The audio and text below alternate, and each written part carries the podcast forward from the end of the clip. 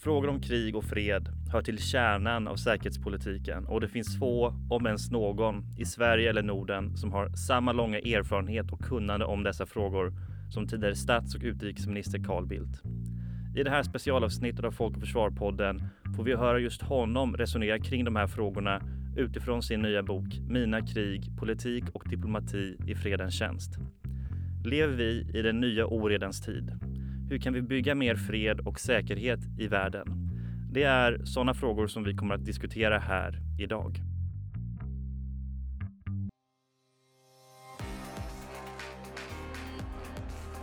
Du lyssnar på Folk och Försvar-podden. Folk och Försvar bidrar till att Sveriges säkerhet ska vara hela folkets angelägenhet.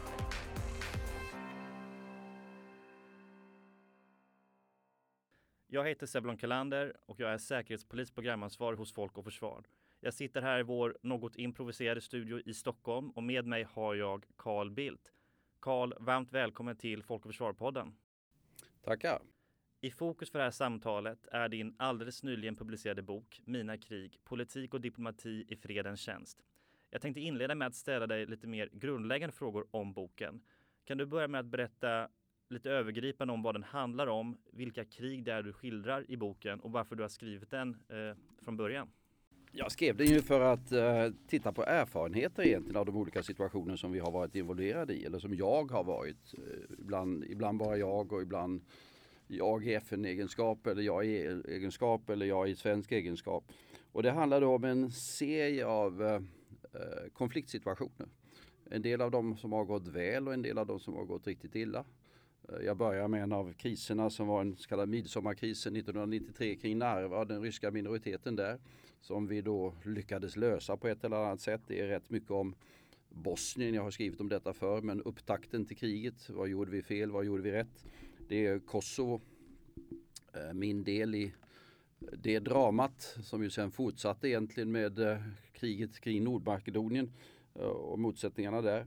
Sedan är det den intervention som vi kommer att göra som faktiskt fortfarande är EUs största landoperation hittills.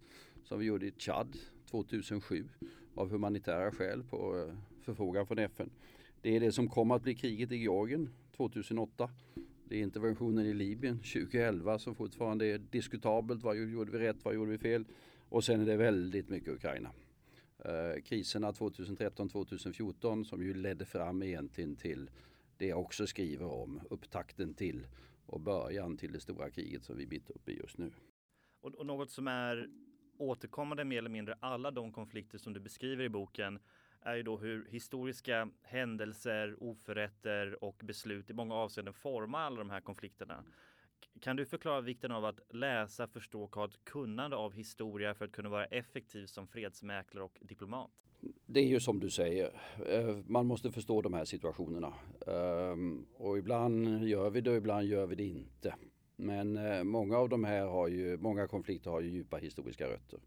Och för att förstå det dagsaktuella skeendet måste man ha en viss kunskap om vad som ligger bakom och hur de här samhällena ser ut och hur strukturer som har lett till de här konfrontationerna. Och det är väldigt olika i de olika fallen. Det finns ingen sån där generalmall som kan tillämpas på Chad eller Georgien eller vad det nu kan vara för någonting, Bosnien. Det är väldigt olika situationer. Um, och det är väl därför delvis jag skrev den här boken för att visa både det som förenar men framförallt det som skiljer. Och att det finns inga generalrecept, att man måste lära sig och att man måste lära sig av det som vi har varit med om. Uh, både det som vi har gjort bra och det som vi kanske har gjort mindre bra. Och en, en annan slags röd tråd som jag identifierat när jag läst boken Eh, det är ju att diplomati verkar ofta vara ganska långsamt, trög och stundtals rent av frustrerande eh, arbete. Det kanske är mer regel än undantag.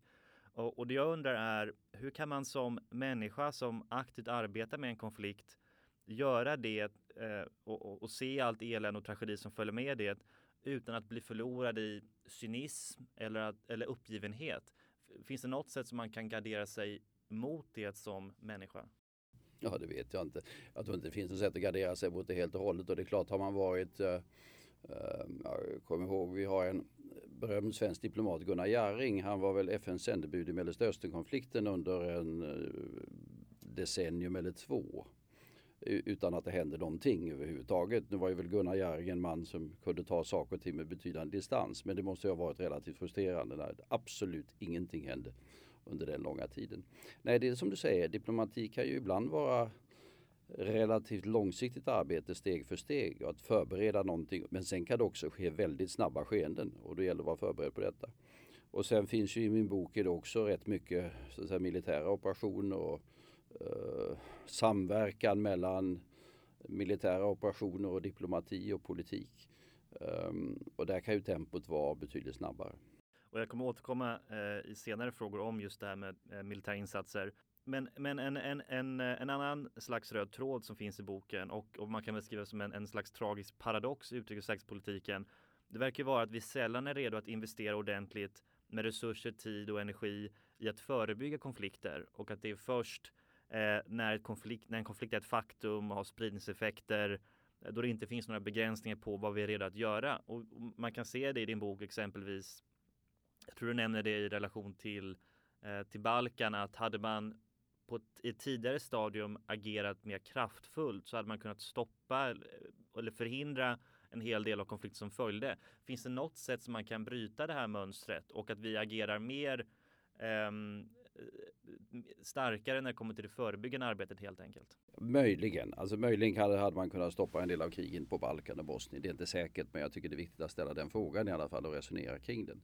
Sen ska man vara medveten om att många av de här situationerna är sådana som vi var totalt oförberedda för. Ofta när vi diskuterar att vi ska förebygga konflikter så talar vi om områden som vi kan någonting om. Men, men, vem hade föreställt sig, om vi talar om svenska militära insatser, att vi skulle ha svenska militära insatser i norra Afghanistan? Det hade varit skottpengar på sådana personer för några decennier sedan. Eller i Mali som folk inte kunde stava till trots att det bara är fyra bokstäver.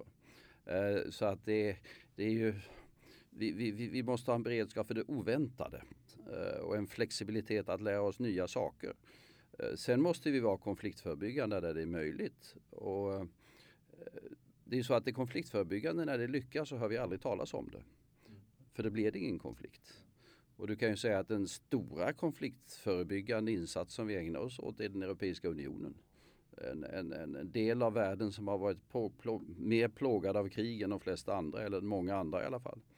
Och där vi genom att bygga upp samarbetsstrukturer mödosamt under ett antal decennier har faktiskt en situation där vi har en stabilitet. Vi kan bråka om allt möjligt omöjligt i Bryssel. Men det är inga krig i vår del av Europa. Så att det tenderar man att glömma bort ibland. Det vill jag faktiskt eh, fråga dig mer om för att i Sverige, eh, vi gick ju in i Europeiska unionen under eh, särskilda omständigheter som du kommer ihåg mycket väl. Och att eh, min uppfattning utifrån vad jag har läst är att vi aldrig riktigt konceptualiserade EU som ett fredsprojekt, utan det var mer utifrån monetära termer eller ekonomiska termer som vi valde att, eh, som vi motiverade i alla fall vårt EU-medlemskap. Ehm, och att vi svenskar ibland kanske har svårt att förstå den som du beskriver det, den aspekten av EU, att det är konfliktdämpande eller konfliktförebyggande. Kan du förklara eller utveckla lite grann den slags roll som EU fyller? Och, och, och vi har ju inte längre liksom konflikter mellan Frankrike och Tyskland. Nej, Nej, alltså det finns ju de som hävdar att Sverige är ett vad man kallar fredsskadat land. Att eh, vi har levt i fred så pass länge mycket på grund av tursamma omständigheter. Att vi har liksom glömt bort den här typen av frågor som är väldigt mycket mer levande i andra europeiska länder. Eh, för andra europeiska länder så är fredsperspektivet med det europeiska samarbetet alldeles centralt. Alldeles centralt. Eh, och sen har allt annat lagts ovanpå detta. Och det där måste vi lära oss mer av den europeiska historien också för att förstå de länder som vi umgås med och samarbetar med och se hur viktigt det här perspektivet är. Det gäller också säkerhetsperspektivet är väldigt viktigt för länderna i Öst och Centraleuropa.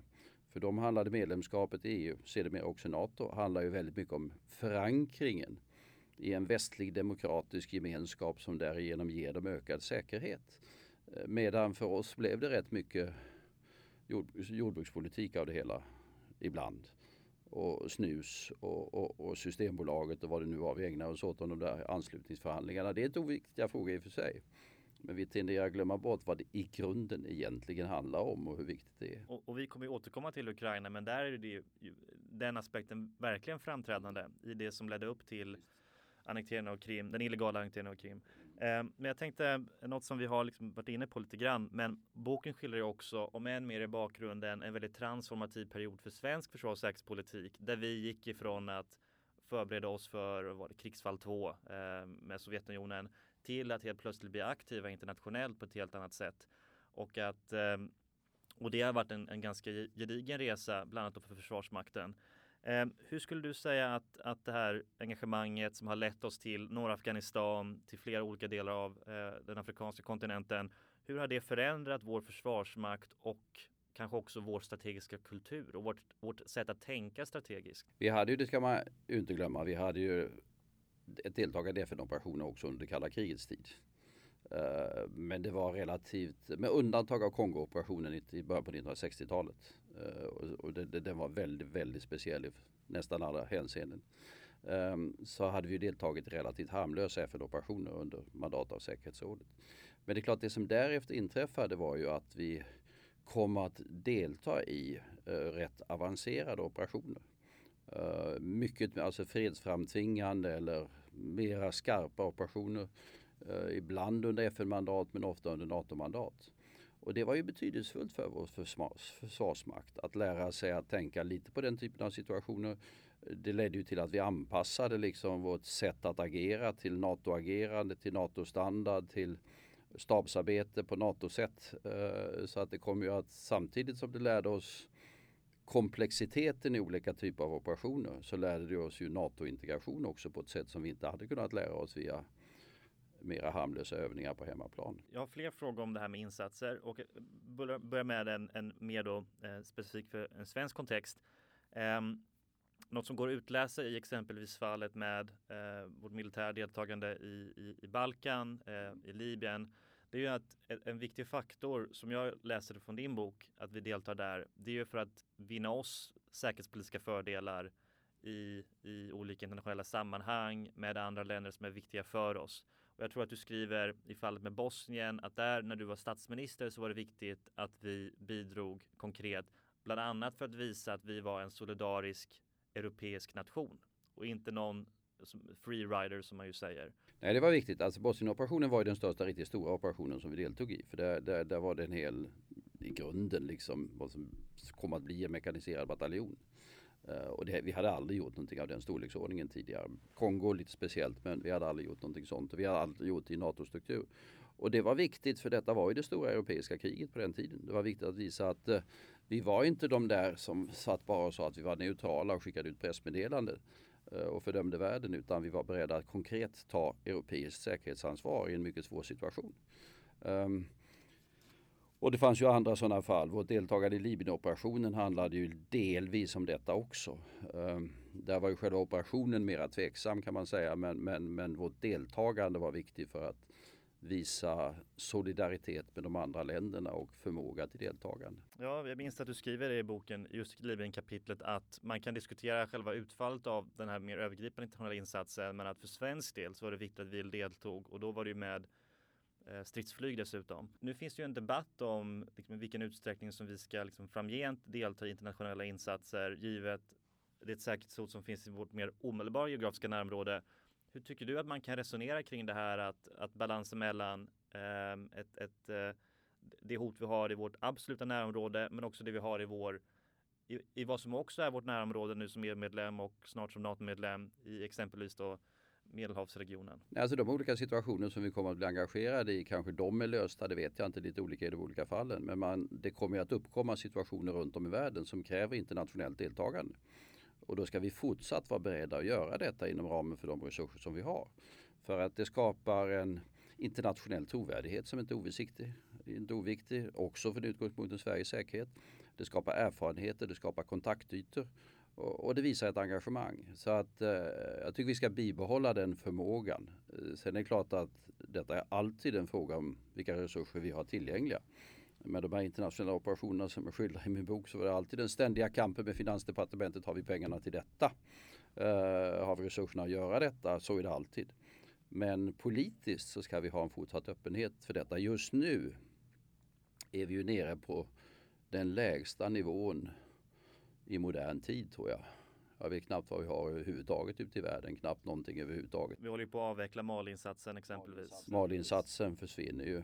Um, och, där är, och därmed har vi väl ingen insats värd namnet. Va? Utan nu är det enstaka individer som sitter och plockar papper någonstans. Och det är inte riktigt samma sak. Möjligtvis om den här utbildningsinsatsen eh, för ukrainska soldater kan räknas in. Men det är inte riktigt samma sak. Nej, det är ju en utbildningsinsats. Eh, som kommer att äga rum i Polen och Tyskland. Så det, det, är ju inte riktigt samma sak. Och om man går bort från Sverige ett ögonblick och tittar mer generellt på militära insatser så finns det ju en debatt internationellt med Afghanistan exempelvis. Eh, var det värt det? är ju frågan som många ställer. Eh, var det värt eh, de åtagandena i, i termer av eh, människoliv, eh, ekonomiska resurser? Hur skulle du säga, hur, hur pass effektiva eller eller eh, vilka omständigheter är militära insatser effektiva och kan göra skillnad i att antingen förebygga eller stoppa en konflikt? De kan vara eh, viktiga för att stoppa och förebygga en konflikt. Vi har en insats som jag tror jag nämnde i något sammanhang eh, den förebyggande insatsen som gjordes i Makedonien, det som sedermera blivit Nordmakedonien. Um, där skickade vi ner några kompanier om jag inte missminner mig tillsammans med amerikanerna förut. Det var första gången och enda gången tror jag, mycket länge, eller sista gången i alla fall, som de har deltagit i operationen under FN-kommando. Uh, ehm, den var för att förebygga att Kosovo-konflikten skulle sprida sig in i Makedonien. Det kommer att lyckas också. Uh, så att det finns ju förebyggande operationer som faktiskt kan lyckas. Chad-operationen som jag beskriver hade ju som syfte, yttersta syfte att förhindra att eh, Darfur-konflikten i Sudan spred sig in i Chad. Det kom också att lyckas eh, som en förebyggande operation. Så sånt här går ju att genomföra förebyggande operationer. Eh, och där tycker jag det, det, en del av dem lyckas inte men det är viktigt att klart för sig att det finns operationer som faktiskt lyckas och det är de vi inte hört talas om i efterhand. Och eh, jag tänkte alldeles strax komma in eh, på, på kriget i Ukraina som får särskilt mycket utrymme i din bok. Men jag vill fortsätta ställa eh, de här mer generella frågorna. Ehm, och relatera till det här med hur man bygger ett, ett slags säkerhetspolitiskt system eller en säkerhetspolitisk arkitektur så är vi på väg in i i NATO-alliansen som jämte EU får sägas ha varit väldigt viktig för fred och säkerhet i Europa. Hur tror du på temat som vi var inne på tidigare med förändrad strategisk kultur? Hur kommer vårt, vårt eh, kommande NATO-medlemskap behöva leda till att vi ändrar eller omprogrammerar vårt tankesätt när det kommer till säkerhetspolitik? Det kommer ju att leda till en omprogrammering av vårt försvar. Eh, som eh, jag inte vet om man fullt insett har vikten av eh, eller betydelsen av. För att vi har ju under så att säga, 200 år haft ett nationellt försvar. Vi har inriktat oss på att försvara Sverige och sen har det varit lite internationella operationer utanpå detta. Nu ska vi delta i ett europeiskt och framförallt ett nordeuropeiskt integrerat försvar. Och då måste man tänka varje operation måste tänkas med bortseende från de nationsgränser som vi har i Norden. Och detta kommer att ställa rätt betydande krav på omställning. Eh, och där finns svåra politiska ställningstaganden som vi kommer att ställas inför när vi kommer in i realiteterna och detaljerna av den omställningen. Eh, någonting som är ju väldigt eh, diskuterat just nu det är ju frågan om, om avskräckning med kärnvapen. Och där har vi ju traditionellt sett kanske mer haft en nedrustningsprofil på vår utrikes och säkerhetspolitik. Men nu kommer vi mer aktivt behöva ta ställning till Ehm, den andra sidan av myntet så att säga när det kommer till kärnvapen. Hur skulle du beskriva kärnvapens roll i internationell säkerhetspolitik och eh, vilken funktion det fyller för att om man så vill bygga säkerhet? Jag tror inte vi kommer behöva ta ställning till så mycket. Vi kommer att komma med i eh, NATOs eh, den kallade nukleära planeringsgruppen. Eh, men sammanträdena där hålls på en tämligen allmän nivå. Och de nationer som är främst berörda det är de som har det så kallade DCA, det vill säga en dubbelkapacitet för vissa flygplan som också kan bära taktiska kärnvapen. De har inga kärnvapen, det är amerikanerna som har kärnvapen men det finns en möjlighet att i krig låta dem bära kärnvapen. Eh, mål och allt sånt där ligger i, allt, det ligger i amerikanska händer helt och hållet.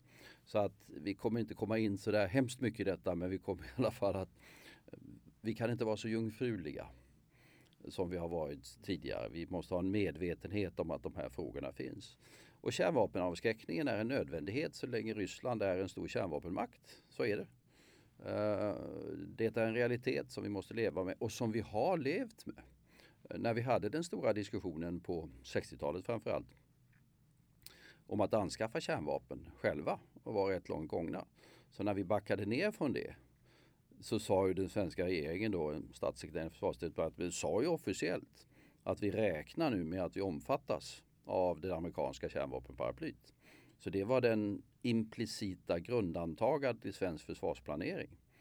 Att vi ingick i den amerikanska avskräckningen. Och det på, jag vet inte när det slutade, men i alla fall på 60-talet så eh, i de stora krigsspelen som kördes Eh, så begärde vi understöd med kärnvapen och fick understöd med kärnvapen från amerikansk sida. Så att, eh, mm, sen dess har ju kärnvapenkomponenten i NATO-politiken reducerats högst avsevärt. Jag var inblandad i eh, det var ett antal år sedan med en informell grupp med bland annat ett antal före detta NATO-överbefälhavare för att lägga ett förslag att vi skulle ta bort alla NATOs taktiska kärnvapen från Europa. För att de NATO-befälhavare som jag hade kontakt med betraktade dem egentligen som störande moment. Det är vapen som var väldigt svåra att använda. Eh, utan de fyllde ju huvudsakligen en politisk funktion.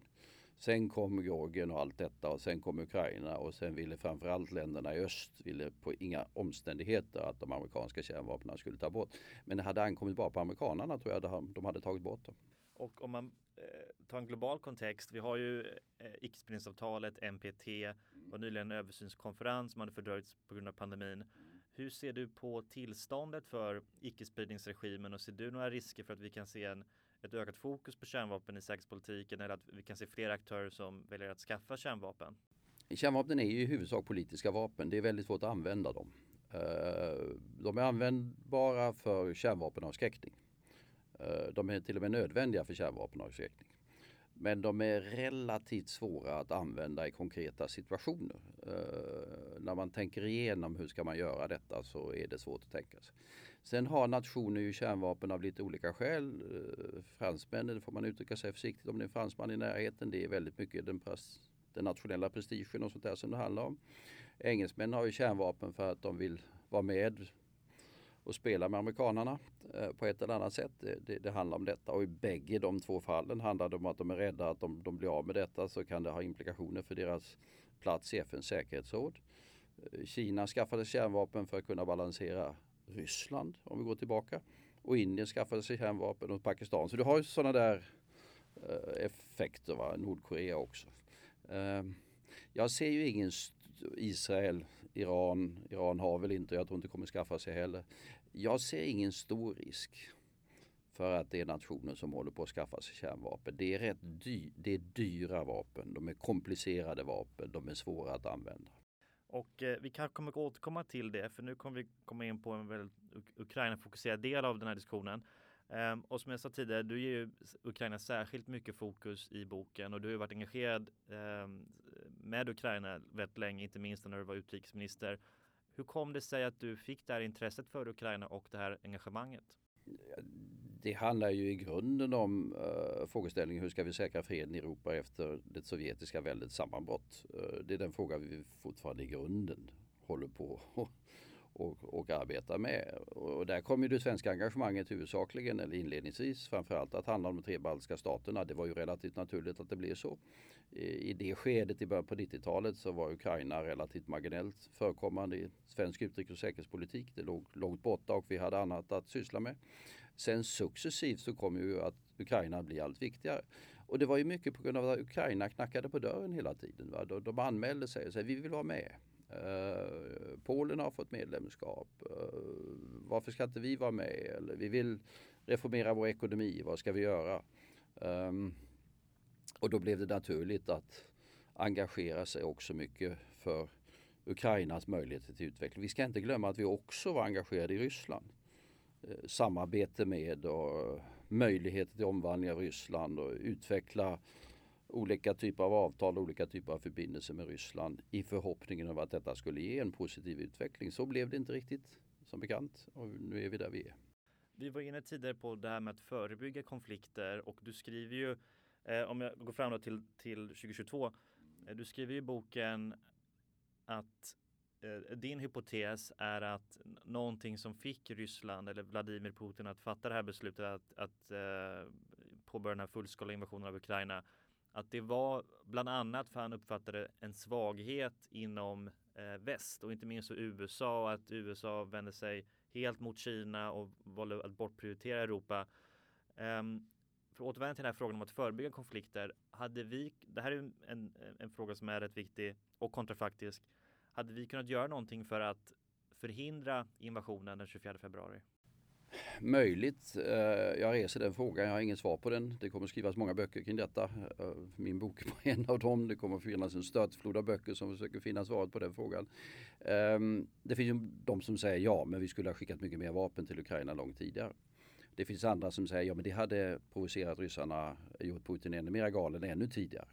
Så då kanske han hade anfallit tidigare. Det där vet vi inte än.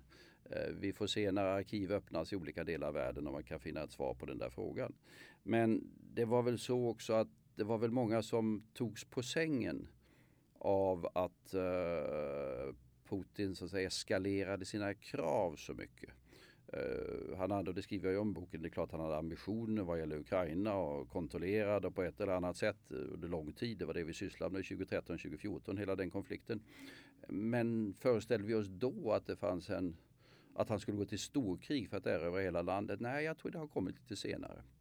Det har kommit lite senare och där finns en lång rad olika faktorer som har lett till att eh, han har tagit detta alldeles avgörande och katastrofala steg för Ryssland. Ehm, så vi är ju mitt i oktober just nu. Det har precis varit eller pågår ett möte i, eh, med eh, kontaktgruppen för, till stöd för Ukraina, det här med, med militärt stöd. Ehm, vad skulle du säga att, att vi vad mer vi kan och bör göra både på kort och lång sikt för att stötta Ukraina i deras eh, kamp för sin, för sin frihet? Ja, alltså kortsiktigt är det rätt uppenbart att vi behöver öka det finansiella stödet framförallt från europeisk sida. Vi ligger, vi ligger en bra bit på efterkant i förhållande till vad vi borde göra och de behov som finns. Och det är väldigt viktigt. Vi talar ofta om det militära stödet, men det finansiella stödet för att hålla den ukrainska staten igång du måste betala löner till sjuksystrarna på sjukhusen, till de som svarar för utbildningen för barnen, för eh, poliserna, för soldaterna. Eh, det är väldigt mycket för en statsapparat måste hållas igång. Och det är klart att inkomsterna, den ukrainska ekonomin är ner 35 procent var det senaste siffrorna jag såg på kvartalssiffrorna. Um, så det, de opererar med väldiga underskott. Där måste vi hjälpa till för att hålla dem igång. Sen måste vi då, det militära stödet, måste vi då programmera in, programmera om till ett mer långsiktigt stöd. Det kommer att handla om att i grunden omvandla den ukrainska försvarsmakten från en med rysk materiell utrustad försvarsmakt till en med västlig materiell utrustad försvarsmakt. Nu är det paradoxalt så att det är huvudsakligen rysk materiell som de försörjs med för de erövrar ryssarna just nu. Men, men långsiktigt måste det bli annorlunda. Och, det här är en väldigt stor uppgift framöver som kommer komma mycket, kosta mycket pengar under åtskilliga år framöver. En, en, en fråga som också alla ställer sig det är hur vi får ett slut på det här kriget och, eh, och när det kan eh, komma att ske. Eh, om jag ställer den frågan till dig, vad är utsikterna för att åstadkomma ett slut på kriget? På, i, i på termer som är eh, till Ukrainas fördel? Ja, när jag får frågan, där kan det bli fred? Eh, det är en lite längre gående fråga. Så skulle jag säga att fred kan det bli när två saker är uppfyllda. Um, vad gäller Ryssland så måste Putin försvinna och Ryssland måste omfokusera sig, eller alla måste omfokusera sig i Ryssland till att bygga en nationalstat istället för ett imperium. Det är den där imperienostalgin som leder Ryssland till det ena eländet efter det andra. Det måste försvinna. Men sen måste vi dessutom säkra Ukraina. Och då är det medlemskapet i EU som är alldeles avgörande för att det Det är också militärt stöd på olika typer av sätt att eh, bygga upp deras försvarsmakt. Men det är också den politiska integrationen i Europeiska unionen. När vi har uppnått de två sakerna då kan vi tala om fred i den östra delen av Europa. Innan dess så kommer vi inte ha fred. Kan vi ha någonting som är innan dess att vi får slut för, på fientligheterna? Ja, det vill jag ju hoppas. Ehm, men det kommer säkert att kräva att eh, eh, den ukrainska försvarsmakten åtminstone pressar tillbaka ryssarna till kanske där de var före den 24 februari eller vad vi nu ska säga, någonting i den storleksordningen. Och att man då kanske kan åstadkomma någonting där man säger nu eh, får vi ett eh, nu tar vi en vapenvila och så tar vi en politisk process. Ehm, det kommer inte vara fred eh, men i alla fall inte krig. Som avslutande fråga vill jag ta utgångspunkt i en, en viktig målgrupp för den här podcasten och det är ju unga människor.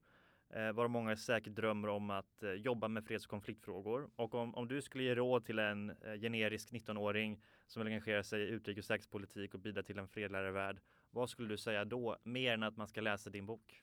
Man kan ju börja med det. Eh, men, men det finns ju det finns ju andra böcker. Läsa böcker är viktigt alltså. Vara en medvetenhet om historien och lära sig komplexiteten i olika situationer. Det är viktigt. Det här är inte fullt så enkelt som man föreställer sig. Sen skaffa sig en gedigen utbildning. Det gäller allt. Och sen kan man då söka sig in. Du kan söka dig in i utrikesförvaltning eller du kan söka dig in i Försvarsmakten eller du kan söka dig in i olika internationella organisationer som sysslar med detta. Carl Bildt, tack så hemskt mycket. Tackar så mycket.